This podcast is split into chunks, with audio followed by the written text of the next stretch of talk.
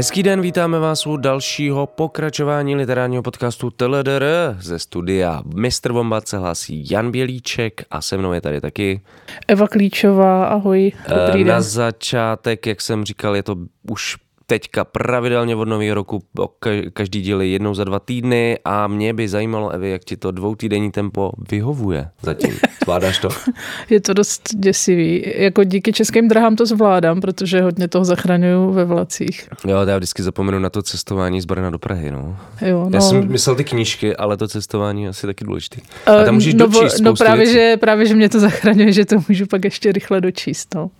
No to my tady v Praze nemáme, já jsem tady metrem za 10 minut, takže...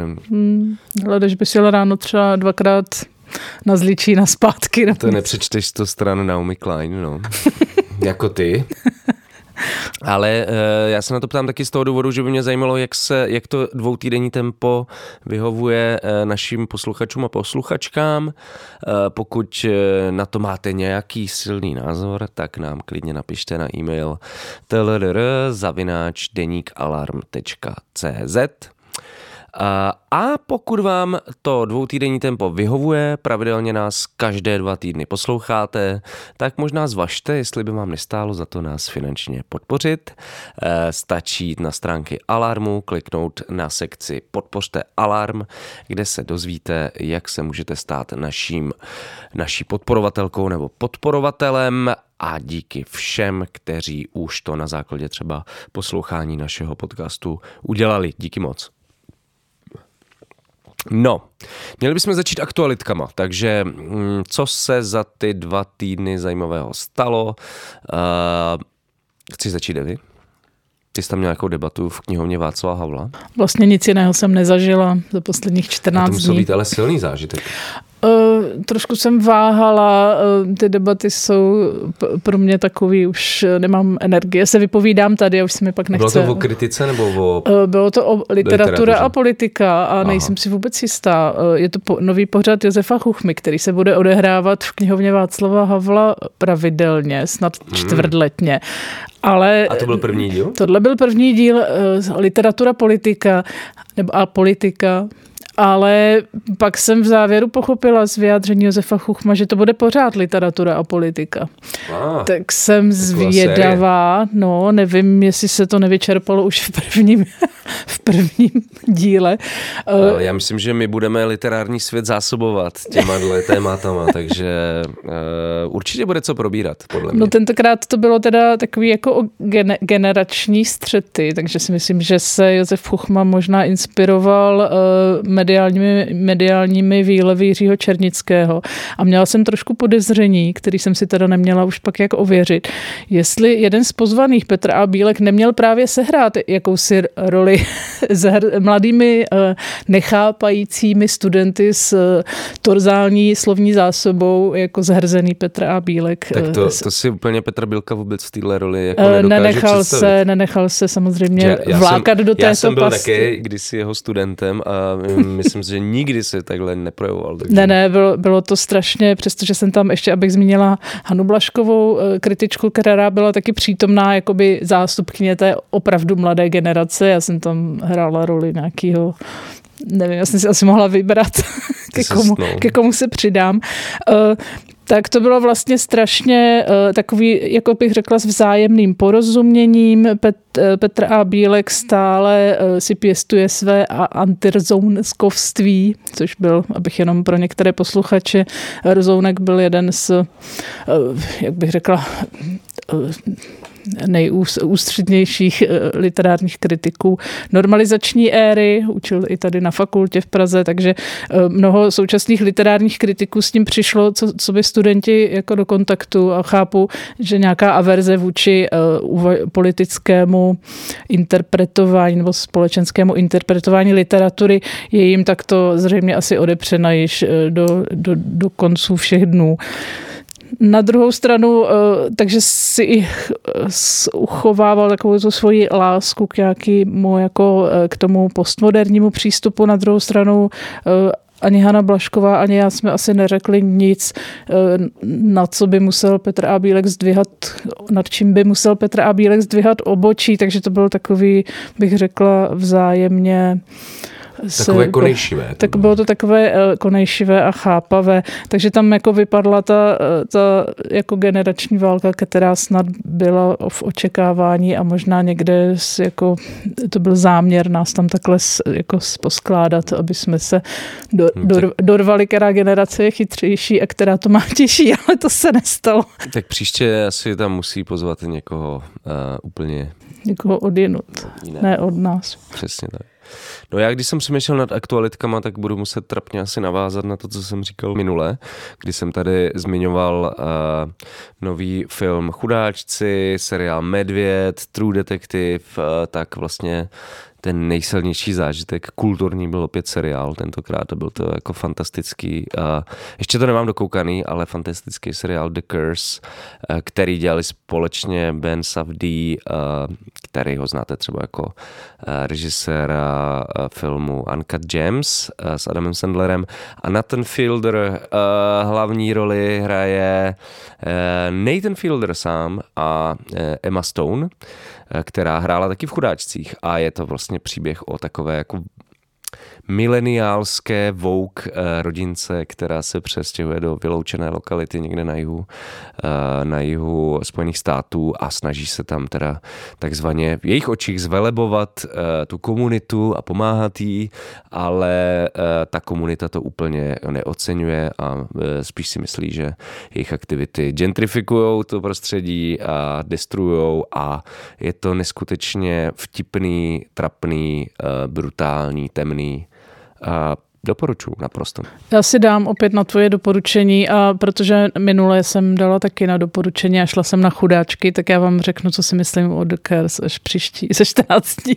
Super. Takže to budeme mít taky na pokračování. A eh, Jak říká dnešní mládež a s polito, politování hodným konstatováním z pana Kostečky v Českém rozhlasu a pro a proti jsem si uvědomila, že jsem asi taky jako bych spadla do, jakože bych byla snad, jeho snadným terčem rozhorčení nad úpadkem češtiny. Takže s tímto odkazem říkám, líbilo se mi to mega. Mega.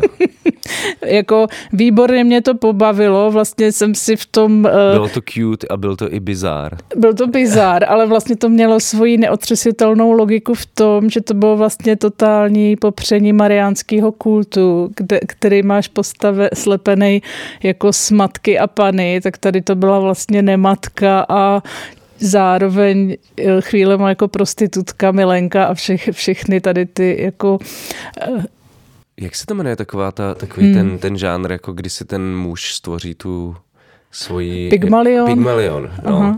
Takže to byl vlastně taky antipygmalion vlastně celý. Ano, no perfektní, no. Bylo to, je to prostě taky popření mariánského kultu zasazený prostě do big, bigotních uh, trošku poměrů v nějaký viktoriánský Anglie nebo čeho celý. Je to takový trošku steampunkový fantasy něco.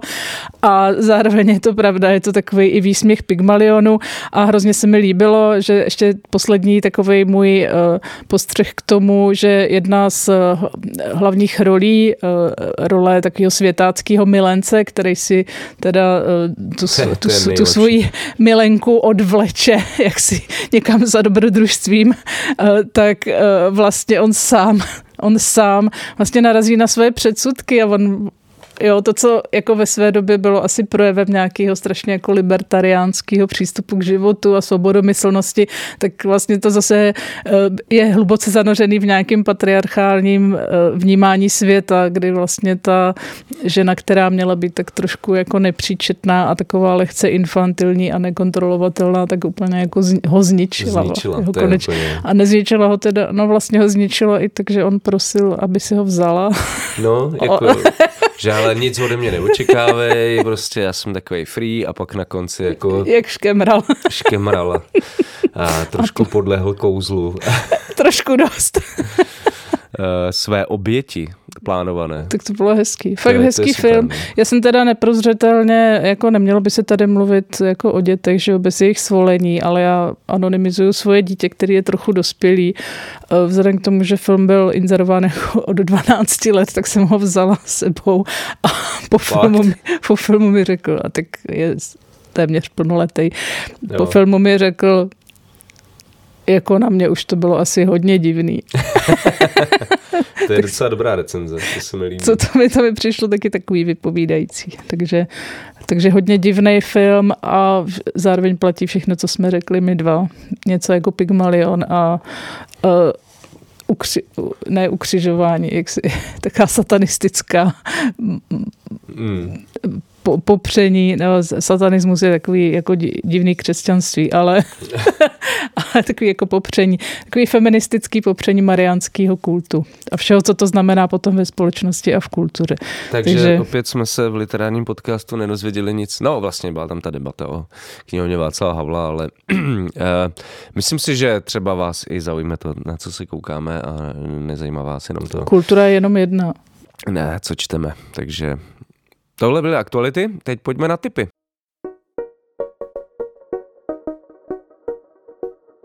Co nového vychází nebo vyjde v následujících dnech? Já začnu něčím vážným, takzvaně vysokým, eh, protože v nakladatelství Lidových novin pokračují s vydáváním eh, slavné díla slavné eh, americké spisovatelky novinářky John Didion po demokracii, kterou jsme tady v jednom z předchozích dílů rozebírali i s Evou. Teď vychází její román Kniha denních modliteb v překladu Martina Pokorného. Jedná se o román situovaný do fiktivní středoamerické země, kde se odehrávají dramatické politické a společenské změny za přítomnosti amerického vlivu, jak to bohužel teda v 70. 60. letech ve Střední Americe eh, probíhalo velmi často. A jenom teda připomenu, že John Didion o něco později v roce 1983 napsala i knihu Salvador o dění v této zemi a myslím si, že tenhle román a její uh, eseistická uh, kniha Salvador spolu docela komunikují.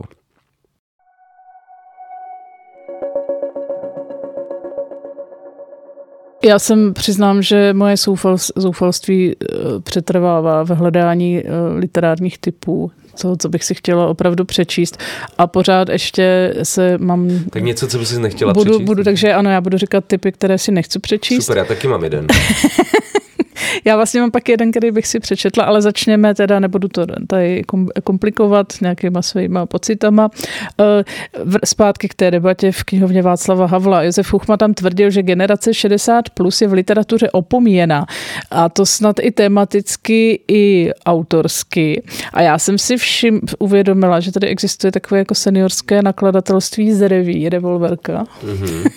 A vydali zrovna teďko nedávno knihu, loni, ne, možná, že už je to skoro rok, ale vyšlo to v roce 2003. Uh, jmenuje se to Stáří je mládím světa, uh, autor Michal Janata. To je nějaký manifest 60+. Plus?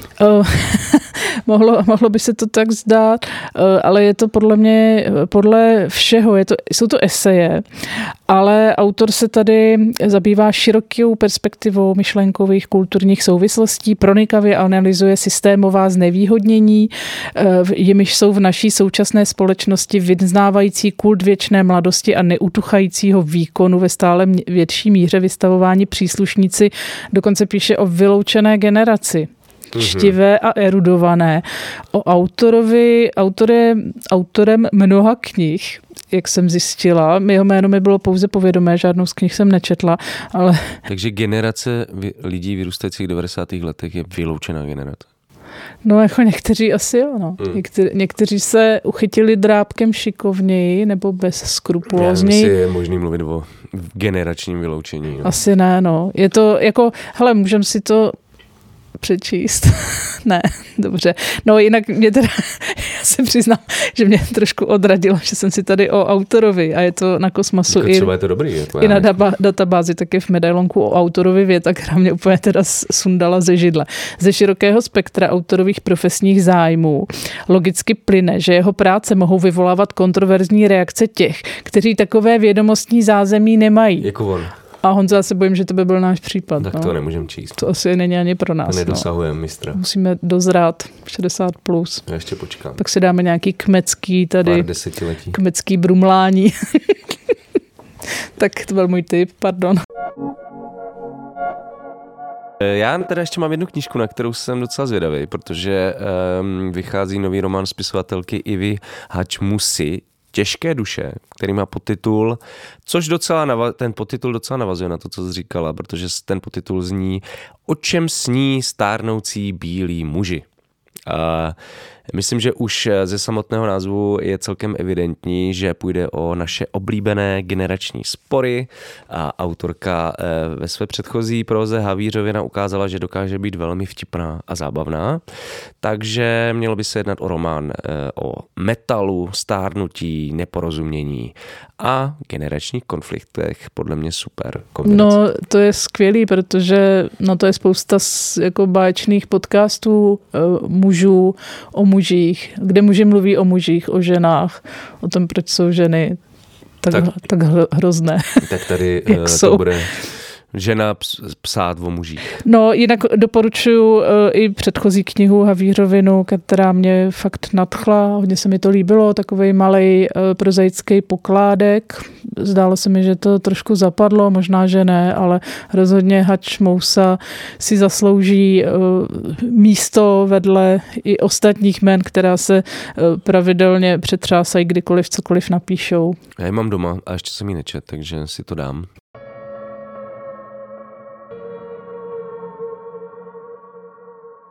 Tak a teď tady mám tip od Petra A. Bílka. Něco si chceš přečíst? Uh, asi taky spíš ne. a hned uvidíme proč.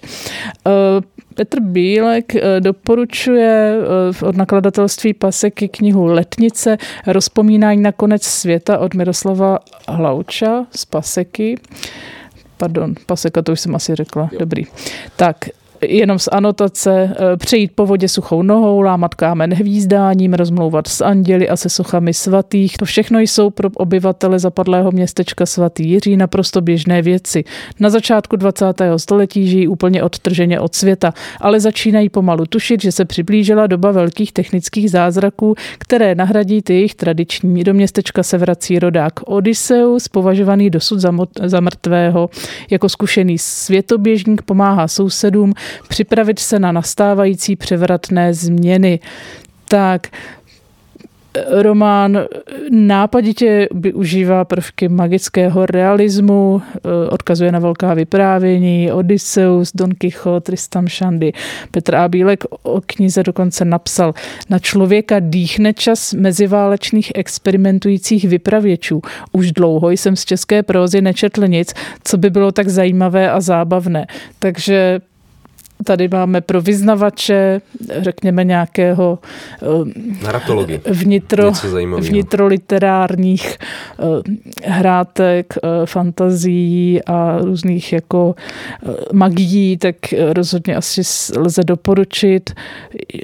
Já se přiznám, že... Úplně mě to nezaujalo. No já mám prostě, asi nemůžu pomoct. Pro mě, pro mě už je to jako vyčerpaný literární model a i takových jako a tak víš, velkých je, vyprávění, že... které navazují a nějakým způsobem těží z velkých vyprávění. Už jsem četla tolik, že mě no, to... Jako ono to většinou funguje tak, že začne, že Tomu... to je nějaký trend, dlouho jako jede, pak jsou z toho všichni už unavený, tak začne trendovat něco jiného a pak se k tomu třeba někdy časem vrátíme. Takže až budeme mít ten pořad 60+, plus, tak možná ještě tak možná se k tomu vrátíme. Bude, a jak budeme už senilní, tak nebudeme vědět, proč jsme si to nepřečetli v roce 24. Přesně, jsme tím pohrdali a jako, přitom je to prostě jako, takový no, no. Je to možný? Nevím. Jako já mám trošku pocit, že ta postmoderna pracuje jak AI, jo? že to jako rozstříháš to, nějak to sflikuješ znova, trošku to ozvláštníš nějakou svojí prostě eh, nepřiznanou inspirací a jedeš dál a máš zase jako nějaký dílo, který má strašně referencí a hrozně vrstev a odkazuje, protože prostě odkazuje a má hrozně referencí a vrstev. Ale vlastně je potřeba s tím pracovat Just, nějak jako já, no, já už cítím jako, sofistikovaný, no, aby to Neříkám, prostě... že to je špatná kniha, já osobně mám třeba ráda detektivky, které jsou určitě třeba mnohdy daleko hloupější než tenhle text, ale tenhle typ literatury ve mně už ne, nevzbuzuje to pravé nadšení. No ale aby zase někdo nenapsal eh, článek o tom, eh, že jsme tady strhali knihu, kterou jsme nečetli, takže... Prosím vás, pořád jsme v sekci Teď typy. jsme v sekci typy. Takže uh... berte to všechno s nadsázkou. A ještě bylo vtipný teda, eh, já tady reaguju na text Tomáše Pospíšila, který ho zdravím a evidentně je teda náš posluchač a reagoval na naše povídání v typech nebo aktualitách o knize Toán první dáma surrealismu Andreji Sedláčkové. My jsme tady, já jsem jí tady oslovil jako Dagmar Sedláčkovou, což bylo zajímavé, protože se ozvala skutečná Dagmar Sedláčková na náš Instagram a říkala, že ona tu knihu nenapsala, a to je taky naše posluchačka, což je super, eh, a že si ji neustále pletou s Andreou Sedláčkou a ať to prostě napravíme, takže já se omluvám. Eh, Dagmar Sedláčkové i Andreje Sedláčkové, autorkou to a jen je Andrea Sedláčková. Jinak já jsem si přečetla uh, taky reakci paní, pana Pospíšila a vlastně mě docela zaujala a možná, že té knize dám šanci, protože jsem nabila dojmu, že možná jako ten queer label kolem to je ne, není možná tak jednoznačný? To rozhodně není a uh, ono není ani jednoznačný i v tom rozhovoru Barbary Bartuňkové, který jsem zmiňoval, protože mm. ona se taky vlastně brání jako tomu, aby jsme o Butoáně mluvili ve středním rodě a, a tak dále. Mně přišlo vlastně důležitý se jí právě na to zeptat, jako někoho, kdo mm-hmm, uh, to mohl vědět. To zkoumá dlouhodobě a myslím, že ta je odpověď je úplně legitimní, ale jako ty některé vyjádření prostě Andrej Sedláčkové o tom, že ano, ano, ano, ano. měl homosex, by, by se divil, že měl homosexuální styk s Toajen mě přijdou úplně skandální vlastně. To asi, no, to asi ano.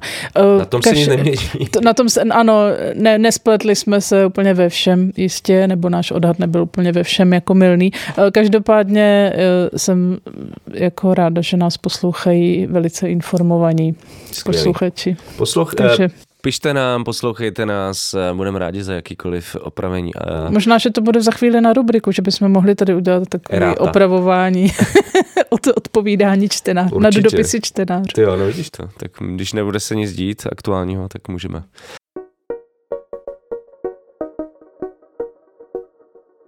No a já tady mám ještě uh, borce nakonec. Uh, protože novou knihu vydává krajně pravicový sociolog Petr Hampl. Ta kniha se jmenuje Střízlivění a vychází v prestižním nakladatelství Ivana Davida. Wow, není to jeden z těch sociologů, co tvrdí, že je moc sociologů. A samozřejmě, co se teď děje? Liberální řád se hroutí, globální kapitalismus se hroutí a Petr Hampl přichází s novými cestičkami, jak z toho hrdě a nacionálně ven. A toto Hamplovo filozofování doplní ještě filozofování jeho kamarádů Ivo Budila, Petra Druláka a Jana Kellera, s nimiž Hampl v knize vede rozhovory. To jsou konce. To se nám to tady hezky sformovalo. To jsou to konce. No. Petr Drulák a Jan Keller psávali na alarm. Hmm, dejvávalo. No, každopádně, nevím, no, jako jako mě unavuje postmoderna, jiné eh, lidi unavuje demokracie a eh, jakýsi vábení fašoidních představ o společnosti je zřejmě velmi silné i pro mnohé intelektuály. smutný. Je to v trendu je to takzvaně. no, Kostečka by teď zvedl obě obočí. Trenduje. Tak a já mám knížku poslední, to je ta, kterou si ještě tak jako možná opravdu přečtu, ale je to teda non-fiction. Eh, vychází v hostu eh, Stávat se zvířetem, pozemská kosmologie a mm-hmm. autor David Abram. Uh, autor eh, mimo jiné na pr- eh, roky nedostupného, nedostupné knihy Kouzlo smyslu, která obrací pozornost k mimojazykové zkušenosti. Bylo to, v antikvariátech se to prodávalo za tisíci koruny, mm. což bylo jako neuvěřitelný. Takže kultovní autor, kultovní kniha, environmentální obrat o tom, tak si to jako představuju, že i ta, tato nová kniha bude o tom, tady je, že máme být víc zvířátky, máme víc naslouchat smyslům, eh, víc naučit se prožívat a je to v podstatě asi o tom, že náš mozek není úplně designovaný na to, aby jsme nějak moc jako pracovali a žili v nějakém světě komputerizovaně, digitalizovaně notabulkovým, ale že náš muzik je spíš vyrobený na to, aby seděl v jeskyni a, a to nemluví o Petrovi Hamplovi. A sbíral borůvky. Jako mohl by Petr Hampl sbírat spíš borůvky, než zbytečně psát. Jenom, jenom ještě možná bych měla říct, takže vrací zvěř a zvíře zpět do člověka. Vrací lidi mezi zvěř a zvíře zpět do člověka. Takže to je, to je pro mě velké téma. Já jsem milovník zvířat, jak se za chvíli ukáže i nad, eh, tady nad sbírkou, tak kterou budeme záhy tady rozebírat. Ještě jenom zmíním překlad Marek Sečkař. Sophie Lewis, Bell Hooks, Sheila Hetty nebo knihy redaktorů Alarmu, Karla Veselého, Standy Billera, Jana Bělíčka. V našem e-shopu teď najdete knihy, které by vám neměly chybět ve vaší čtenářské výbavě. Kupte si je na e-shopu Alarmu, e-shop.denikalarm.cz.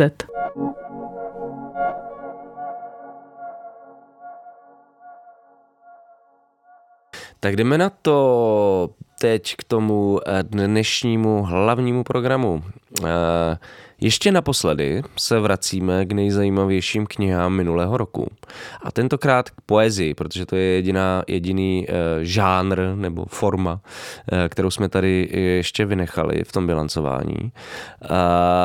Těch důvodů je celá řada, ale obecně je pravda, že poezii trošku zanedbáváme. V naší literární anketě se objevila jedna básnická sbírka hned několikrát a um, mám teďka na mysli nejlepší knihy uh, roku 2023 na Alarmu. Anketa, kterou vám doporučuji každoročně sledovat, protože si doplníte spoustu um, titulů, uh, na které jste zapomněli. A byla to kniha Tváření ukrajinské básnířky Iriny Zahladko, která vyšla v nakladatelství Protimluv. A myslím si, že těch důvodů, proč se k té knize eh, dnes vrátíme, je fakt hodně. Eh, společně s tou sbírkou se možná krátce ještě v závěru eh, dostaneme také ke sbírce poslední cestopisy spisovatelky, překladatelky Zofie Baldigy. A mm, abych jenom tak načal, co podle nás tyhle knihy spojuje a možná taky rozpojuje, to se pak k tomu dále dostaneme. Ale jedná se o sbírky, které napsali česky, autorky nečeského původu eh, a my bychom se o tomhle fenoménu chtěli dnes trošku víc pobavit. Eh, Zofie Baldiga je z polské Varšavy a v Praze uh, už je několik let, přestože v polštině vyšlo několik sbírek, tak v posledních letech píše česky a zároveň taky překládá nejnovější českou poezii do polštiny. A básnířka Irina Zahladko žije v Česku od roku 2019, ale do sbírky tváření psala výhradně ukrajinsky. V Ukrajině obdržela třeba prestižní literární ocenění pro mladé spisovatele a spisovatelky.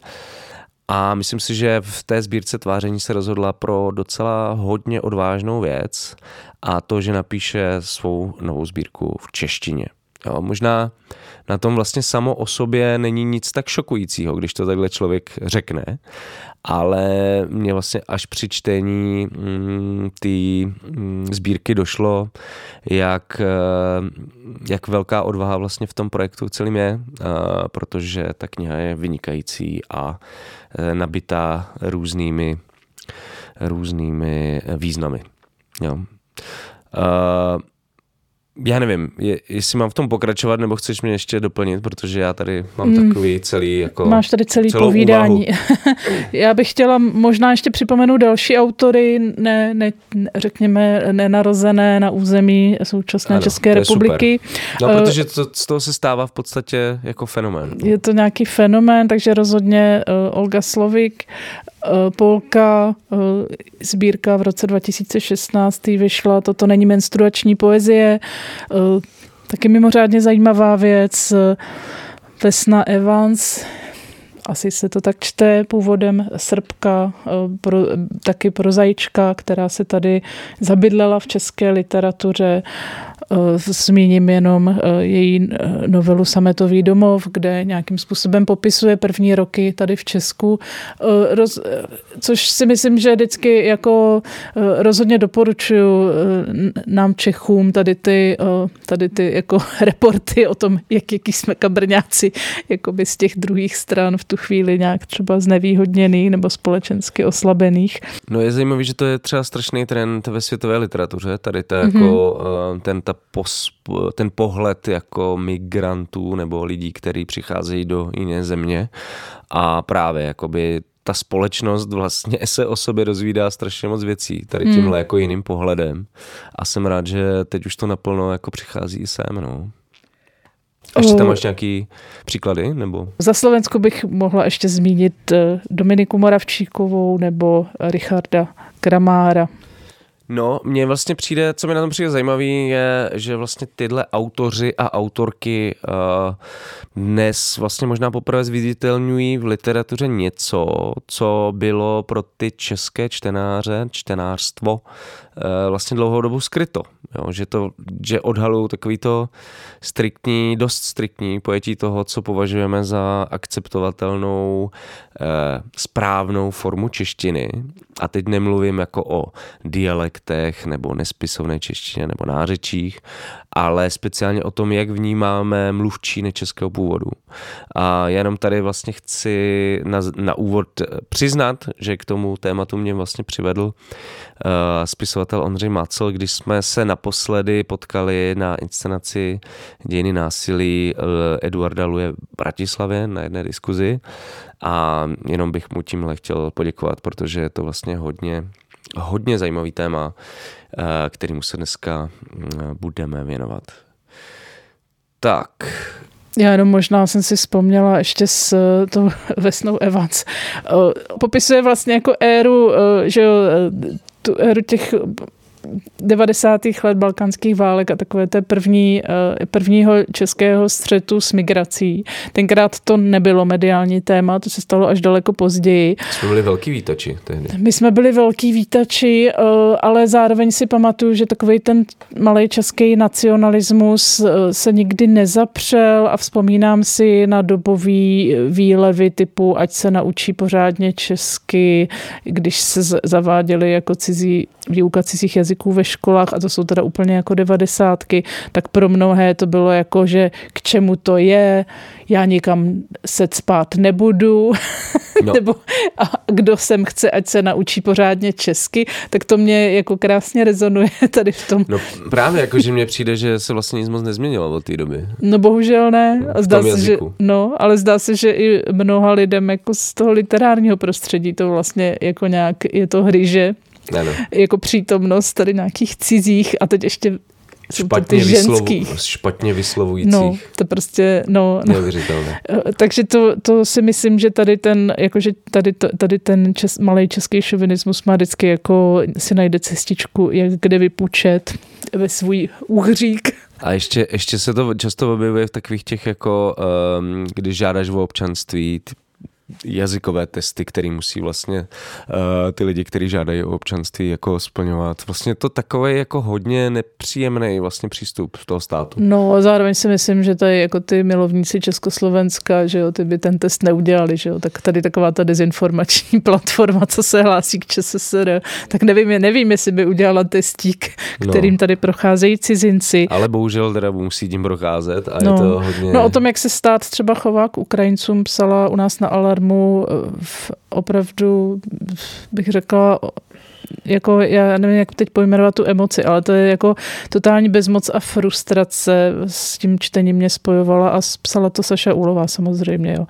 O tom, jak těžké a jak ty zákony jsou nastavené a jak ty uh, migranty, uprchlíky před válkou, uprchlině s dětmi, jak, do jakých situací je vhání, to je neuvěřitelné. A v podstatě je to to, o čem se pořád bavíme, když se bavíme o tom, jak se stát staví ke svým občanům, z nichž mnozí jsou i chudí, což je, hmm. se tady neod odpouští. Tak. No mně přišlo, když se vrátil zpátky k Irině, mm, ano. tak vlastně to téma, tohle, který jsme tady nastínili, je samo o sobě podle mě skvělé, důležité, nesmírně aktuální. Ale vlastně, když jsem otevřel tu knihu nebo tu eh, básnickou sbírku Iriny Zahladko, ta, a, a potom, co jsem si ji vlastně hlavně poslechl, jak eh, vlastně recituje uh, ty své básně, uh, tak mi vlastně naplno došlo, jak strašně revoluční jako moment to pro českou literaturu je. Jak je vlastně, a taky možná potenciálně pro českou společnost, kdyby teda její poezii někdo nějak masově sledoval a četl a poslouchal, protože eh, vstupuje vlastně s tímhle materiálem do sféry poezie, která vlastně v tom obecném povědomí figuruje na tom pomyslném vrcholu literárních forem. Eh, a možná je to jenom můj pocit, ale vlastně má takový hodně silný příznak vysokého stylu, vysoké literatury a právě mi vlastně ten suverénní její vstup do, eh, na tohle území přijde vlastně strašně fascinující, jako no. že si vybere zrovna tohle. Já se přiznám, že a to bude jako takový hate na českou poezii jako celek, takže už teď přiznamenávám, že tam samozřejmě spousta lidí. Jestli jste milovníci poezie, vůbec, tak vypínejte. Vůbec nepatří. Ale já prostě jsem přesvědčená, že tady v poezii panuje pořád nějaký jako mainstream nebo nějaká taková uh, normativní představa o poezii jako nějaký zušlechťovatelce jazyka že, to, že, má, že nikdy se nesetřásla takový to jako obrozen, ten obrozenecký, to břímě, to, že musí teda zapracovat na tom jazyku. Zároveň se s tím pojí potom takový, taková zvláštní dostřednost a takový konzervativismus, jakoby nemyslím politický, ale v takovém tom jako vztahování se k těm předchozím generacím, že i se často uh, pořád jako prosakuje nějaká už vlastně taková anachronická obraznost i současnou poezí, jo, že tam pořád takový jako rurální nebo jako jsou tam takový jako minulostní vrstvy, že ta poezie vlastně je hodně taková jakoby literácko vyčtená a připadá mi, že méně zástupců je, jsou ti autoři, autorky, kteří píšou víc, řekněme, nějak jako empiricky, když to hmm. řeknu, nějak no, prostě... Když ty jsi tady mluvil o tom zuš, zuš, zušlechťování hmm. a já si myslím, že právě jako ta sbírka tváření Iriny Zahladko je takovým jako zušlechťováním češtiny v tom smyslu, že, nebo zušlechťováním, nějakým jako rozšiřování toho potenciálu toho jazyka. Rozšiřováním, ale mně právě přijde, že většina, jako ta dostřednost té jako poezie, nebo přetrvává v poezii v tom, že právě jako máš tendenci konzervovat. No, hledat, no, poezie jako skleník ano, hledat a poezie polozap, jako život. No, no, ano, hledat polozapomenutý slova, různý jako archaizmy, historizmy, jo, objevovat nějaký, eh, nebo dělat nějaký mm, atypický slovo sledy, nebo takový různý prostě jako piruety, jako ornamentální, nevím, no. Připadá mi, že to trošku, že jo, pak jako trošku to naře, dá se říct, že to trošku naředili nějaký undergroundový postupy a tak, ale ty už jsou vlastně taky jako, to už je taky zase další vrstva toho dostřed, té dostřednosti a takového toho odkazování se zase na nějaký otce, otce býtníky, tyjo, jako, jako málo odvahy, ale nám hmm. Čechům obecně asi. No a Irině teda ale no, jako odvaha fakt nechybí. No, my máme rádi závětří a proto je skvělé, že tady máme prostě autorky od jinut, které nám to tady trošku vyvětrají. No, mně přijde eh, super, jak ona v té sbírce kroutí, deformuje češtinu zcela záměrně, vlastně to si taky čeština, suverénně. Tak čeština a, si taky nic jiného nezaslouží.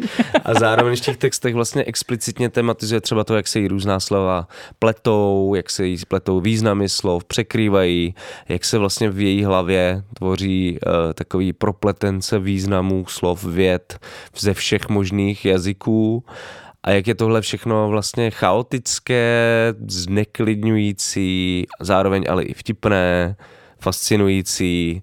Mám vlastně pocit, že se v tý, eh, s tou sbírkou vlastně čtu v české literatuře něco, co tady ještě nebylo a mám pocit, že eh, když to třeba může znít jako nějaký momentální moje okouzlení tím textem, takže s tou sbírkou se ta poezie vlastně nějak přirozeně měla by se přirozeně dostat do centra společenského dění, eh, ale bohužel si toho teda nikdo nevšiml. Ale vlastně mi to přijde strašně, eh, že se tady vlastně s tou sbírkou děje něco zásadního, velkého nám před očima a eh, nikdo to nějak neregistruje. No a mě tady to překrývání těch jazyků a hledání, jo, tak, jo takový, takový, že ten prostor je takový jako vlastně nejistý, tak to hrozně naráží na takovou tu českou, českou představu, kterou máme všichni vtištěnou asi z toho našeho nešťastného školství, to lpění na té na správnosti. Jo, že ty se, jako, že se jako bojíš těch chyb, bojíš se cokoliv a vlastně to školství tě jako vydriluje v tom říkat správné odpovědi. Ne úplně přemýšlet, experimentovat, dopouštět se omylů, nějakých nepřístojností, myšlenkových experimentů a tak dále, ale ty musíš hlavně nedělat chyby. To je prostě základ a u toho jazyka mi to připadá, že to je úplně patologický. A na to ona odpovídá eh, v rozhovoru s Janem Škrobem, který vyšel ve tvaru a to mě přišlo hrozně vlastně mě to uklidnilo, protože ona tam tady o tom eh, prolínání se eh, forem a významů a gramatických struktur eh, jednotlivých slovanských jazyků, tak ona o tom mluví jako o intuitivním prostoru že vlastně ta podobnost, i když jsou to tam, jsou ty false friends a no. různý, jako má to, jsou v tom různý nástrahy, který já samozřejmě si jich jsem vědomá, tak pořád je to něco, co vlastně ty tu chybu můžeš přijmout, nebo nějaký omyl můžeš přijmout, jako vlastně nějaký jako něco kreativního, jako vlastně něco, s čím si umíš pohrát, že to není něco, za co by měl přijít přísný trest a od, odsouzení eh, rodilých mluvčích, kteří by měli ti stát za zadkem a pořád říkali, no prosím vás, tohle se říká trošku jinak, tady ta předložka a tak. Ale naopak je to takový to jako obohacení a vlastně je v tom něco archetypálního, protože že ty jazyky, že ten jejich eh, divergentní nebo konvergentní vývoj je různý a tady vlastně zase přicházíme tady vlastně zase jako kdyby jsme se trošku, eh, bohužel za politicky tragických okolností, ale jako vlastně ten kontakt s ostatními slovanskými jazyky se tím trošku jako umocňuje. Konvergence. Ano, takže se to tady zase jako nějakým způsobem přibližuje a rozpomíná se. Vlastně i možná na nějaký jako jungmanovský postupy, jako kdy čeština, našla jsem si nějakou i statistiku, čeština obsahuje asi 2100 spolonismů, které jsou obsaženy tady už v Jungmanově česko-německém slovníku. Eh, většinou se jedná o nějaké jako názvosloví, ale je tam spousta slov, které bychom vůbec za nimi nehledali, žádný jako cizí původ. Tady jsem si jenom napsala ohon, ropucha, váška půvab, rozruch, skromný a mnohá, mnohá další. Takže a to, to je dokonce i mhm. báseň, ne? Eh, jedna Iriny Váška, Váška. ano, Skvělá já jsem se to snažil tak která vlastně taky tam nějak... Zdůraznit. Že tam nějak jako je nějaký jakoby obtížný hmyz, který otravuje prostě ty, nebo rozrušuje ty, tu, tu, tu pohodu prostě. No. Takže to, to jsou... To dělá no. Irina Záladko ve své poezii. No, takže tady to, eh, tady to, eh, ten, ta široká slovanská jazyková rodina mě vlastně, a to já ne, nepatřím mezi milovníky cizích jazyků, který by se s radostí učil svůj sedmý jazyk. Nejsi panslavista. ne, jako nejsem tak... rozhodně panslavista. Nerozumím vlastně ani polsky. Jako, jo, já vždycky končím, anglicky Končím na Slovensku, ano. Takže eh, to rozhodně není to nějaký, nějak, nějaká moje nika, ale i tak mi to přišlo vlastně něčím nesmírně nesmírně osobozující. A... Mm. Ne, tam je super, vlastně, eh, kdybychom se dostali do té sbírky, tak prostě člověk to otevře a hned první báseň hádat se v češtině je vlastně jako třeba skvělým úvodem do celého toho tématu. V té básni uh, si lirický subjekt, uh, nebo jak se tomu říká normálně, asi nějak. Jako v proze asi vypravěč. No. Vypravěč. Tak jako nápověda z pro... Lirický subjekt uh, vlastně zachycuje tu bizarní povahu toho, když se jako ukrajinský ukrajinská mluvčí chcete hádat v, s někým v češtině. Eh, má tam uh, super takový jako vtipný uh, verše jako než vznesu obvinění, zeptám se na správné skloňování. A vlastně ta hádka s někým jiným se vlastně stává hádkou se sebou samotnou, protože člověk vlastně si není jistý, jestli, jestli se hádá správně, gram, eh, spisovně česky. A, mm, vlastně než to, ale zároveň je tam ta, ta dimenze toho, že člověk vlastně během té hádky nechce jako hledat ty správná slova, ale chce si jakoby ulevit nebo vy, vyjádřit tvé, ty emoce, rychle něco prostě říct a e, vlastně ten ne, takhle jako ten nahromaděný vztek vlastně v té v nové řeči jako nejde moc, moc dobře ven. E, podle mě vlastně v té básně něco, co je v celé té sbírce. To znamená, že to je vlastně taková nějaká tematická hloubka toho, co o čem, o čem vlastně ta báseň je, ale zároveň jako lehkost a vtip. Má to vlastně nějaký významný, mm, významový přesah a zároveň je to hravý a chytrý, což mi přijde fakt osvěžující. No a já ještě než dojdem k té hravosti, chytrosti, což jako rozhodně tomu ještě neujdem, eh, tak jsem si tady eh, vypsala i některé metafory, které Irina Zahladko používá. Tělo jako dům pro jazyk, tam je obraz a pak tam popisuje v, puse mi vyroste nová výslovnost a trofu je stará, jak bude bolet lícní kost. Tak tady to spojení, jako fyzické spojení s tím, jaký používáme jazyk, jak ho, eh, jak vlastně formulujeme, jak vytváříme hlásky těma našima ústníma, dutinama a hlasivkama a jazykem a tak, tak to mně přišlo eh, taky strašně silný a zajímavý a nějakým způsobem jako okouzlující a zároveň je to velmi věcná, věcný poznatek.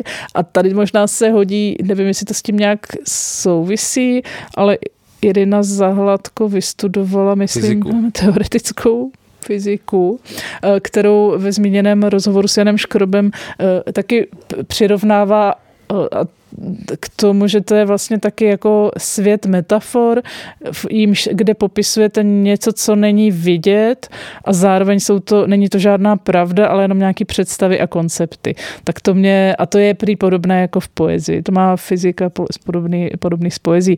Tak to, to mě, má to, to mě, tak to mě teda Irina Zahladko si mě teda opravdu získala. No ale ne, hlavně je, to, to je důležité, co říkáš, no, že, že vlastně tam taková věcnost, jako že no. to je prostě všechno nějak jako materiální, konkrétní, uh, skvělý postřehy. Nemlží to. To prostě, a to, tím je to vlastně, a já jsem si tady, nebo jsem si říkala eh, k, k té hravosti, že ono se to chvílema podobá jako nějaký říkadla, jako když se děti učí uh, jazyk a básničky ve škole a získávají takový ty předškolní kompetence, že ono to má trošku, jako ten mozek, když se učí cizí jazyk, tak vlastně taky pamatuješ si slova jenom na základě náhodné zvukové podobnosti, asociuješ si s nima něco, vytváří vytváříš si nějaký mnemotechnický řady, pomůcky, nějaký vtipky a z toho i vznikají některé ty pak nahodilý spojení eh, nebo takový jako vtipný zkratky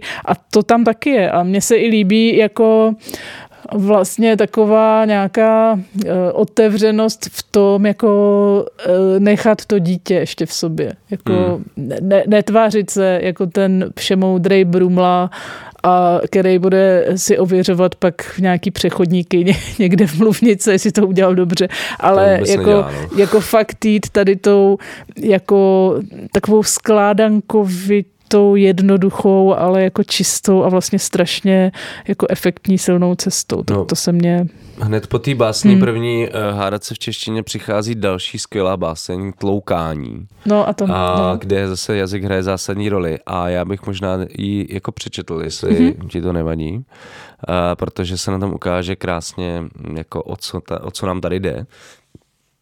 Takže Irina Zahladko, Tloukání.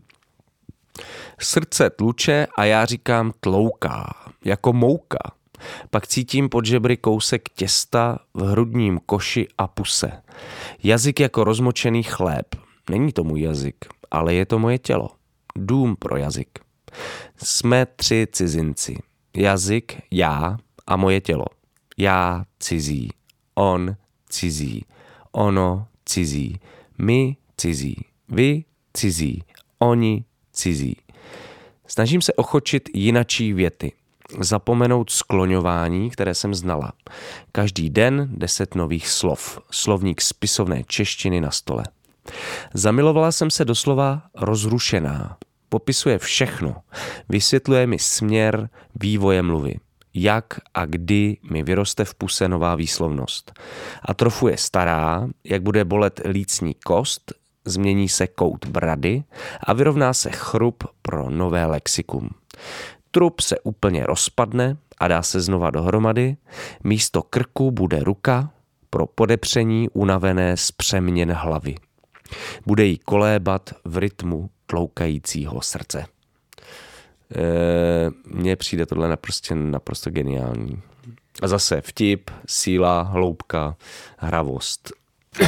No, ale taková fakt nezastřenost a osvobozenost od všelijakých jako nánosů, jako těch českých poetik, že, jo, že tady každý básník, nebo já si myslím, že většina básníků a zase mluvíme o těch jako nějak inteligentních a tak. Já vím, že jsou jako různý jako ju, juvenilní veršotepci, anebo lidi, jako byl pan Nezdvořák, kterýho jsme tady už mnohokrát zmiňovali, eh, tak to je jako hloupý, že jo. Ale myslím, jakoby poe- ty lidi, co se opravdu zajímají, zabývají poezí, tak ten postup je prostě v zásadě takový, že se nejdřív zevrubně seznámíš s českou poezí a pak začneš psát. A už jsi ale vlastně jako tím zasažený. Jo, no, jako, že, jako nes, vlečeš no, se v té tradici. Prostě, přesně no. a nemůžeš už pak skoro nic udělat. Když to Irina Zahladko je, v, jako je strašně na tom, je to hrozně takový osvobozující, že to jde i bez toho. A někdy jsou to takový strašně těžký, těžko popsatelný nějaký rozdíly, nebo v čem to je, ale je, pro mě osobně je tady ten, ta osvobozenost od té tradice vlastně něčím Přitom já nevím, jestli to je nějaký jako formalisticky experimentátorský, to si myslím, že snad ani ne, že prostě 60. léta ukázali nějakou prostě nejzaší mes experimentu literárního a vlastně už není třeba to nějak jako pokoušet, a protože ten jazyk už nám nabízí, řekněme, nějaký dost jako Ale široký Mně přijde, že to jako experimentální je jakoby tak trošku mimochodem, jo? že vlastně hmm. to, jakým způsobem ona pracuje s těmi různými vrstvami jako jazyka, vlastně v té v ty sbírce máme prostě básně, celá jedna básně anglicky napsaná, máme tam němčinu, polštinu, jako vlastně všechno se to mixuje dohromady, což nějak odpovídá asi tomu, jak Irina Zahladko jako vlastně se pohybuje pohybuje v tom světě, protože všechny tyhle jazyky nějak hrajou nějakou roli pro ní. A v tomhle je to jakoby experimentální, eh, jakým způsobem se deformují jako různý významy a slova v češtině ale že by, jo, a jako mám podle mě propracovaný i třeba jako nějak rytmicky a, a jako má to prostě rytmus ten text a je vidět, že si nad tím, eh, nad, nad tím taky jako dala záležet, takže to není jako hmm, je to sofistikovanější, než se to tváří, podle mě, no. jo, text. To, to rozhodně, no. Jako, Jo, to jsem nechtěla, jakože to, že to může připomínat nějaký říkadla nebo nějakou uh, mluvnici pro děti nebo něco takového, tak tam rozhodně ani stopa infantility. Jo, je to prostě, je to jakoby jak to říct, jako věcný, jako v tom duchu, jo. jo. jako věcný nebo nespoutaný. Ale není to jenom jazyk, co zajímá Irinu Zahladko v sbírce tváření. Je tam celá řada, řekněme, nějakých politik nebo nějakých prostě angažova, angažovaných uh, takových jako poznatků.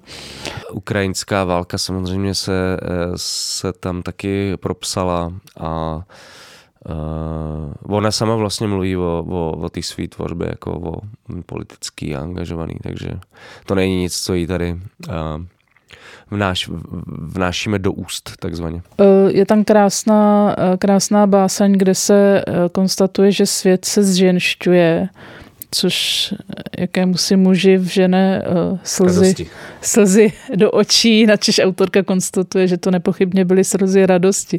Jakože jsou tam takovýhle uh, krásný uh, jako nějaký vyjednávačky, tak to se, mě, to se mě taky líbilo, že to je trošku takový jako ironický, že tam je všechny ty intelektuální věci, které tam byste jako hledali, nebo který máme rádi, máte rádi, jako jsou různé ironie, náznaky, eh, tak taková jako eh, kritičnost sofistikovaná, to tam všechno taky je mezi tu tam řík. koběty z Varšavy, mm-hmm. černý protest proti, proti potratové legislativě, jako, uf, no já jsem tady na začátku zmiňoval, že doporučuji pustit si Irinu Zahladko jako audio nebo video. Mm-hmm. Je důležité je podle mě vidět a slyšet ten její přednést, a, protože ty česky psané básně a, čte se silným ukrajinským přízvukem, kdy klade důraz na druhou slabiku. A, myslím, že ten čtený projev je možná jako v něčem radikálnější než ty texty jako samotné, které fungují jako samozřejmě dostatečně dobře sami o sobě, ale vlastně ta poezie v té čtené formě, v tom čteném přednesu přináší do toho českého literárního prostoru podle mě jako takovou okouzlující jinakost, která má podle mě, a uvidíme, jak moc to bude úspěšný, ale má jako potenciál nabourat to rigidní chápání českého jazyka, protože tady furt, už jsme o tom mluvili, ale je potřeba to ještě jednou potrhnout, tady převládá extrémně silná představa nějakého monolingvismu, tedy jediné správné, kodifikovatelné, přijatelné varianty českého jazyka. A vlastně i lidi, kteří se v pozdějším věku přestěhovali do Česka, popisují, setkal jsem se s tím mnohokrát, že dokonale integrovaným cizincem je v Česku jenom někdo, kdo nemluví eh, s tím cizím přízvukem což je prakticky nemožný. Jako to se týká jen lidí, kteří se do Česka eh, v Česku narodili nebo tady se přestěhovali ve velmi mladém věku, ale jako... To znamená, že nikdo v Brně není integrovaný v podstatě. Tam jsi už integrovaná do brněnského prostě dialektu takzvaně. A to je v pohodě. Ale uh, já vím, že tady prostě jsou jako mý známí, kteří říkají, jako já nikdy nebudu mít, prostě já se toho z polského přízvuku jako nikdy nezbavím, tak prostě jako já umím perfektně psát, perfektně mluvit, prostě gramaticky správně, ale ten přízvuk prostě furt mám a, a okamžitě se jako vlastně těch lidí vždycky v obchodě uh, ptají prodavači a prodavačky jako odkud jste. A proč jste tady? Proč jste tady, jakože to je vlastně něco, co je tady strašně přítomný. A proto já jsem o tom mluvil na začátku, že mi přijde ta poezie revoluční a myslím to prostě v tomhle, v tomhle smyslu, že, že tomu lingvistickému uh, prostoru českému ukazu, monolingvistickému ukazuje vlastně nějakého kouzlo, sílu, té jiné, té jiné češtiny, která má vlastně úplně unikátní jako nějaký kouzlo, šarm. Uh, takže pokud je to nějaký uh, počátek heterolingvistické revoluce v češtině, tak já jsem nadšený a tenhle otvírák je fakt super povedený. A doufám, doufám, že by to mohl být příznak nějaké jako mnohem širší debaty o tom, jak zacházíme s češtinou a ta sbírka tváření je podle mě úplně ideální na to, aby se o tom začalo mluvit. Je skvělá. Já jenom ještě uh, zmíním takový jako uh, t- tragický de- detail tady u toho českého nárokování si, že teda všichni, uh, při, při, co jsem přišli tady až v dospělém a v dospělém věku a čeština není jejich prvním, někdy ani ne druhým jazykem, ale třeba třetím eh, a nevyhovují nárokům tedy eh, českých tet a strýců na tu správnou výslovnost a na správný přízvuk. Eh, tak jsem chtěla jenom zdůraznit, že je to tragické, zvláště s ohledem na to, že v mezinárodním srovnávání ne, nejsme zrovna jazykově vzdělaným národem. No, ne, no. Máme potíže, velké, velké potíže i s angličtinou angličtinou jako globální lingvou frankou, na to s dalšími jazyky. Eh, úplně do toho zapadá i snaha současné vlády eh, rušit Němčiny na středních, nebo pardon, základních středních školách eh, jako další volitelný jazyk. Asi je to moc drahý, nebo já nevím, takže tohle mě fascinuje. A vlastně ještě na to konto zmíním už jednou zmíněného pana učitele Kostečku, který je v tom citovaném pořadu pro a proti, kde se tam jako vyjadřuje nad tím, jak eh, upadá čeština u mladších generací, tak tam a jazykovědkyně, která s ním sedí ve studiu, paní Lišková, eh, tak mu jako oponuje a je to přesně, je to to ono, o čem se tady vlastně celou dobu bavíme. Eh, často ty mladí eh, daleko suverénněji používají cizí jazyky než předchozí generace. Eh, jejich slovní zásoba je obohacená prostě spíše, jak bych řekla, extenzivně, nikoliv intenzivně do toho jednoho jazyka, obrácená do jeho minulosti a nějakých jako zastarávajících, zastarávajících vrstev slovních zásob, přesně tak.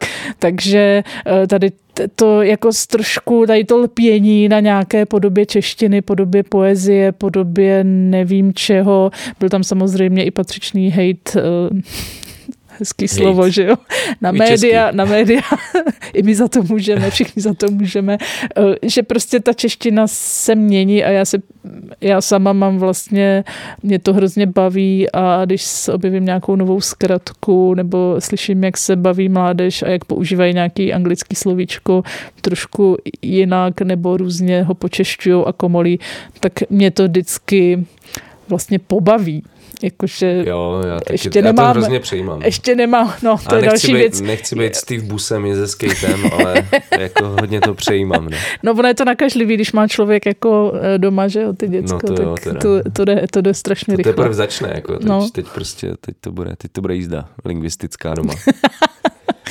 Hele, a já jsem jenom chtěl ještě říct k té revoluci, jakože proč, ještě to potrhnout nebo vysvětlit, jako co tím myslím, jo? protože já mám pocit, že tady jsou jako lidi, kteří jsou nečeského eh, původu a hrozně se často stydí za to, že prostě třeba nedokážou, nedo, nedokážou jako naplnit ty nároky té české společnosti o tom, jak mají správně mluvit a tak. A tohle mi vlastně přijde jako takový protest, jako fuck off prostě. Já budu si psát, co chci, je mi to jedno, prostě je to krásný, jsem si jistá, že to je super. A hlavně a... v mých očích umí jako výborně, pracuje no to je další věc, jako, to je... samozřejmě.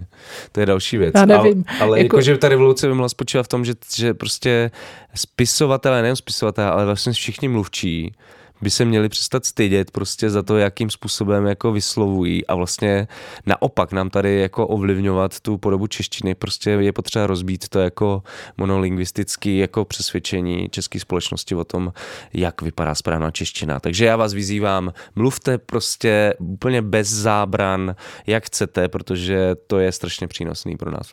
Mluvte ošklivě. Můžete jak chcete. Prostě. krása je, je mrtv, Krása je mrtv. Krása my neexistuje. My vám rozumíme. Můžeme si ještě přečíst jednu, Určitě. jednu jedinu zahladko. Eh, zmíním ji proto, nebo vybrala jsem tady ten kousek proto, protože se tam objevuje eh, další stabilní eh, říše témat, a to jsou zvířata. To máte společného s Irinou. No, to je, to je tam strašně často a je tam opravdu až taková jako empatie a to mě ještě, já jsem si řekla, že si napíšu jednu básničku, pak jsem si ji napsala asi sedm a pak mi to nedalo, ještě jsem pak si napsala tady dva řádky, které vám přečtu nakonec. A budou taky zvířecí. Takže záda srny hnědé divadlo neustále opakuje hru o stvoření diakritiky. Na počátku byla tečka a ta tečka byla u háčku a ta tečka byla háčkem, srna opakuje, srna opakuje se, srna na baterkách, co? Falešná příroda, lego srna tvaruje se ve zvíře a spisovné slovo stává se příslovím, pak jazykolamem vybitá baterie, zpomaluje hnané zvíře řeči, k šepotu, obrysy rtů se dají rozpoznat. Hmm hezký. A, je to moc hezký. A, ještě ty, a ještě tady ta, ty dva řádky. No. To se mně líbilo, taková vánoční, takže to ještě si dáme jako pozdě, anebo s velkým krásná, předstihem. Každá noc štědrá, zavírají se oči zabitých kaprů, zastavuje se krev, rybí šupinka se otáčí k východu slunce, aby jako první zachytila ranní světlo a odrazila ho zpátky ke slunci. A to, co se vrátí od slunce zpátky, je koleda. Jo, to je, to, to je fakt skvělá báseň. No a to je vlastně i takový tradiční. To tradiční, zabitý kaprové, prostě jejich očička. Umí smrt, smrt, vánoční smrt, jaký máme rádi. Ale ta koleda, Musí to tam být. zabila. to je skvělý. tak. No, takže... Um, takže to byla Irina Zahladko tváření. My jsme tady si říkali, že ještě to spojíme, už teda nemáme moc času, takže jenom velmi krátce, ale spojíme to i s, uh, se sbírkou další podobné autorky, kterou jsme tady zmiňovali na začátku, uh, Zofie Baldigy, poslední cestopisy, která vyšla ve FRA. A vlastně i tady se setkáváme s podobnými tématy, nějakého vykořenění, jazyk tam se taky objevuje, nejasný ohmatávání toho, co je domov, kam člověk skutečně patří, otázky in, identity a tak dále. Ale myslím si, že ten jakoby rukopis je mnohem vlastně analytičtější, vážnější, uh, Sofie Baldiga, protože je překladatelka z, do, do polštiny českých básní, tak se vlastně tím v tom jazyku pohybuje naprosto suverénně, bez problémů. A zároveň ta poezie podle mě trošku ztrácí to kouzlo jako objevování těch nějakých jedinečných prostorů jazykových, eh, které, mm, které vytváří to překrývání a prorůstání různých významů eh, slov a různých jazykových vrstev. Takže ta zkušenost z té četby pro mě byla mnohem jakoby čistší, uhlazenější a tím pádem možná i jako nudnější. No, no mě to trošku vylečilo z toho prvotního nadšení, že cizinky přivedou prostě uh, revoluční pohyb uh, do češtiny, do české poezie. Uh, tady jsem se teda hodně To asi tím, že Zofie, Zofia Baldiga má fakt tak jako úzký vztah s, s, tím, s tou českou poezí, tak ji to hmm. prostě už kontaminovalo. No evidentně, protože pro mě to už bylo jako velmi mnohomluvný, zanesený věc, tam se pořád jako opakujou i nějaký takový jako postupy básnický, vždycky tam je nějaký abst- abstrakta, jsou tam antropomorfizovaný, takže se tam, já nevím, eh, hodně se tam opakují potom takový jako fráze, že tělo je příběh, kyslík s příběhem, chemický prvek vyhozený z hnízda, takový jako hodně efektní. Eh, jakože to kombinuje trošku nějaký jako slovní zásobu nějakých různorodých komunikačních situací, ale vlastně jsem v tom nenašla uh, takovou tu, takový to, že tam by, že tam by tam byla nějaká souvislost, ať volnější nebo těsnější. Přišlo mi to strašně jako manieristický, no. No a hlavně jako prostě třeba u Irin Zavadko vám garantuju, že když si přečtete hmm. první báseň, tak prostě budete v tom a už nevypadnete. Když hmm. to tady je strašně složitý se do toho vlastně dostat něco, něco prožít jako během té četby. Hmm. Uh, je to fakt strašně chladný, vy, no. vykalkulovaný trochu. Tady je no. takový, ano, já jenom přečtu, eh, prostor se odmítá vyjadřovat. Jinde zase mapy a pověsti intrikují. Zahrada utíká do lesa, jinde krajina utekla, okna spolikají krajinu. Jo, ten příběh, to už jsem zmínila, jo, co se tam pořád opakuje. Je to takový, co pořád to jako krouží kolem jako příběhů, krajin, těl. Eh, občas je to jakoby nějak eh, trošku eh, jakoby narušený nějakou, nějak nějakým odborným výrazivem, jo, takže se tam objevují nějaký leukocity, já nevím, třikrát narušený planetární systém jde s dobou, jo. To mi přijde jako taková jako efektní manieristický wow, a za kterým prostě necítím nic. Je to hodně, eh, navíc hodně se to tak, eh, jako to řeší každý básník. Irina Zahladko si eh, už xkrát zmíněném rozhovoru snad, myslím, že to bylo tam jako nějak posteskla, že se bojí, že píše moc o sobě, což jako tomu tomu jako samozřejmě nelze uhnout, ale u Sofie Baldigy mám pocit, že to je tak, že píše o sobě, hodně se to pohybuje v nějakém jakoby snad mileneckém dialogu, je tam ta ich forma, forma, co děláš ty, co dělám já, jak mě, jo, je to takový trošku eh, jako komunikace nějaká intimní, ale taková, že bych ani třeba toho nemusela být svědkem, ne, že by tam byly nějaké explicitní věci, to ne, ale takový nějaký náznaky eh, nebo odkazy na něco, co se možná odehrává mezi eh, dvěma lidmi, ale mně se to už asi úplně třeba netýká. No. Mně, Takže... přijde, že fakt jako ta poezie je hodně ovlivněna současnou českou poezí hmm. a není to, jakoby, není to úplně jako bonus. Jakože vlastně mně přijde super eh, a bylo, takhle by bylo super nějak jako stimulovat autorky a autory z podobného ranku, aby se pokoušeli spíš to atakovat, jako tu estetiku a poetiku české poezie a protože jako no oni přinášejí vlastně něco nového do toho prostoru, není to naopak. No, tak Sofia Baldiga, já nevím, já jsem chtěla říct, je ještě mladá, ale Irina Zahladko je taky stejný, mladá, oni, oni jsou tak asi stejný, vrstevnice. Stejný, no. Každopádně nevím. Občas tam vy, vykoukne hmm. něco zajímavého, třeba tady mám jako dovnitř proniká nemilosrdné podnebí, kterému říkáme mírné, aby se k nám nechovalo ještě hůř. Jakože jsou nějaké věci, které uh, najednou z toho vyskočí, z toho textu a Ale zaujmou. už by tam zase nemusela být ta poslední jo. věta. Jakože to je takový hodně do, dos, ano, takový všechno ještě, ještě třikrát se vám to zopakuje, ještě se to dořekne, nevím. Eh, vizuální paměť daruji do milujících rukou. Mně přijde takový jako z nějakého no, tak jsem dívčího to, jako románku. S, jako, jako do, památni, nic nedělám prostě, do no. památníčku. To někomu napsat je to krásný. Je tam nějaký nápad, ale nevím, jestli úplně to jako poezie jako, jak ji máme rádi a ceníme. No. Nebo reklama na tiskárnu by to mohlo být. tak to určitě někdo kapitalizuje tuto, tento Když verš. nás po, po, poslouchají nějaký kopíci, tak, tak jako... Go for it. Jak by pro, pro pana, jak jsem Kostečku. Kostečku. Tohle byla hláška pro pana Kostečku. Ty doufám, že se z něho stane taky nějaký running joke eh, našeho pořadu, pan Kostečka. No je, to na, je, je na čase ty, ty running jako joky trošku. Zlej, no určitě není, ne. Pan Kostečka není zlej a má velký zám, jako zápal pro současnou češtinu, ale jako je to vlastně docela absurdní, co on tam říkal v tom pořadu. Je tam řešil, že dnešní gimpláci vůbec neví, neví správný význam slova srdnatý. No a tam dokonce, skandál. no ani bohemisti. A já jsem při poslechu toho pořadu, tak já samozřejmě vím, že srdnatý neznamená srdečný, ale taky jsem přemýšlela, kdybych to chtěla použít, asi bych si radši ověřila, že srdnatý je skutečně něco... Jako v životě jsem to nepoužil jako v normální komunikaci. No Nikdy. to asi ne, no. Řekl, to je... teda Evo, ty jsi byla ale srdnatá.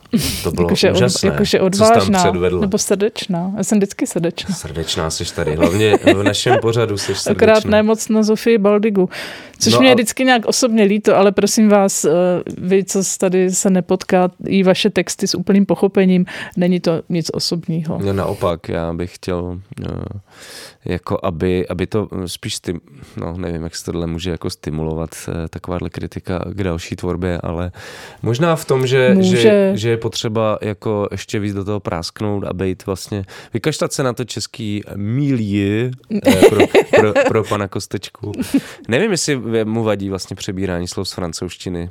Mm. No on, uh, já, já jsem to nestihla doposlouchat ten pořad, ale, no, ale tam je totiž, tam se ještě rozlišuje a to mně přišlo a tím bychom možná mohli dnešek jako uzavřít, že uh, samozřejmě jakože čeština má ve skutečnosti uh, opravdu jenom velmi omezený rejstřík. Jako malé jádro těch slov, o kterých by se dalo říct, že jsou skutečně jako české, že jsou i ve staročeštině nebo v nějaký jako tam staroslovenštině a tak dále. Eh, takže tam my těch vrstev máme mnoho a u těch starších příjmek mu to nevadí, protože samozřejmě, co, samozřejmě, co bychom si bez nich počali, že jo? to bychom mluvili jako, že bychom měli, mohli bychom teda říkat asi jeho, a mohli bychom říkat srdnatý možná, ale v mnoha dalších komunikačních situacích bychom byli úplně na hraní. Ale vadí mu to nové přejímání, což je, eh, to je celý tak srandovní, jak celý ten český konzervativismus, který má rád za, jako za něco tradičního, považuje to, co bylo v dobách mládí, za něco tradičního považuje to, co bylo eh, to, co se odehrávalo v dobách dětství a mládí svých jako hlasatelů, to znamená nějaká 70. let. Ty děti už vůbec neznají naše fóry. To, co jsme říkali, oni se tomu nesmějou. No. To, to mě trošku připomíná jako Černický. No. no je to, no prostě, protože to je prostě, to je ta vyloučená generace, která je prostě nešťastná z toho, že nerozumí těm mladým a nikdo se nesměje jim vtipům. No, tak No ale pan Kostečka tam měl skvělou, on říkal, že mu nevadí přijímání slov, pro který nemáme český ekvivalent, jakože třeba selfie, já nevím, měl tam několik pří, příkladů a pak říkal, a strašně mě rozčiluje třeba jako to, to slovo kontraproduktivní. A, a on říkal, i když pro něj vlastně nemáme teda taky žádný český význam, a strašně mě to rozčiluje. Říkám, tak jako, ale sám jste řekl, že tam vám to nevadí, jako tohle vás rozčiluje. To je takový, no, ty vždycky Poslechněte musíš... si pro a proti s Karolínou Koubou a s paní Liškovou z Ústavu českého jazyka, teorie komunikace. Ústav pro jazyk. Nevíme, to se tam dozvíte všechno. Uh, je to strašně zajímavý, uh, tohle, tohle už jsem dlouho neslyšel, tady tyhle debaty o tom, jak dneska mladý mluví strašně. Hmm. Já si to pamatuju jenom jako retro fakt z těch devadesátek, a což se táhla ta debata do nultých let, jako angličtina. Jako angličtina, ale, ale která su... kolonizuje češtinu. No jasně, ale super, že pan Kostečka se nám tady dneska hodně hodí vlastně, to mě nedošlo. No mě to napadlo, až když jsem vystupovala z vlaku a protože to máme do studia blízko, tak už jsem to nestihla celý, ale to si ještě teďko si to vychutnám v klidu. Takže abych jenom dokončil to s tím milie, takže neposlouchejte české básnické milie, buďte odvážný jako Irina Zahladko a prostě deformujte nám češtinu a budeme jenom šťastní z toho. No my si to zasloužíme. A budeme rádi. Budeme rádi a nic jiného vlastně teď nechcem. Tak teď už se blížíme do úplného závěru. E, probrali jsme Irinu Zahladko a její básnickou sbírku Tváření. Trošičku jsme probrali i Zofii Baldigu a její sbírku Poslední cestopisy a říkali jsme si s Evou, že konečně dáme po nějaké době taky hlasováníčko. E, musíte nám pomoct vybrat, čemu se budeme věnovat příš, přes příštím díle, protože jak jsme zkrátili ten interval, tak bychom to už nestili do příštího. Takže další díl potom eh, budeme vybírat, eh, můžete nám pomoct vybrat eh, ze tří titulů. Já nevím, jestli si pamatuješ, který tam jsou. Moje skvostné zvířátko. Ty moje skvostné zvířátko od Marike Lukas Rineveld. Pak je tam pak je tam od Petra Šestáka Vyhoření. Vyhoření, cyklomanifest. A dneska zmiňovaná e, Iva Hač Musa, těžké duše. E, takže my zase to nazdílíme, eh, až vyjde tenhle díl, tak na všechny sociální sítě. A může... Nenechte se nějak ovlivnit, s velkým zájmem si přečteme jakoukoliv ze zmíněných knih. Je, je to, to tentokrát jedno. jedno a možná, že si Těším pak se na všechny. přečtu i dvě třeba z toho. No, když bude čas. No. Když bude čas. Ale jako určitě každou z těch knih bych se rád přečetl, takže nenutíme vás do, do ničeho. Co vyberete, to si přečteme, budeme rádi. Eh, klasicky můžete hlasovat na všech sociálních sítích nebo nám můžete napsat mail na tldr.deníkalarm.cz a jsme fakt zvědaví na to, co vás to, z tohohle výběru nejvíc zaujalo. Dobře, tak to už je z dnešního uh, dílu literárního podcastu Tiller úplně všechno. Pokud nás máte rádi, chtěli byste naší práci podpořit, tak se podívejte na stránky Alarmu, do sekce Podpořte Alarm, kde zjistíte, jak přesně na to. Tak budeme moc rádi, vidíte sami, že to není jednoduché. Není to jednoduché, doba je zlá, složitá, takže děkujeme všem, kteří i v téhle uh, složité a e, těžké době nás podpořili nebo podporují a taky podpořili v neuvěřitelné, neuvěřitelně úspěšné poslední crowdfundingové kampani e, Alarm naděje v temných časech, kdy se nám podařilo vybrat přes 600 tisíc korun. Neuvěřitelné, já z toho furt žiju. To bylo krásný. To bylo to od vás velice krásný a my to nesmírně ceníme a ještě mnohokrát si na to vzpomeneme, až budeme nad ránem něco dočítat. Až nám bude ousko. až nám bude ousko. Tak jo, díky moc. Děkujem. Uh, loučí se Jan Bělíček a, a Eva Klíčová. Budeme se těšit zase za dva týdny u Teledere. Čau, mějte se. Bye bye. Pane Kostečko.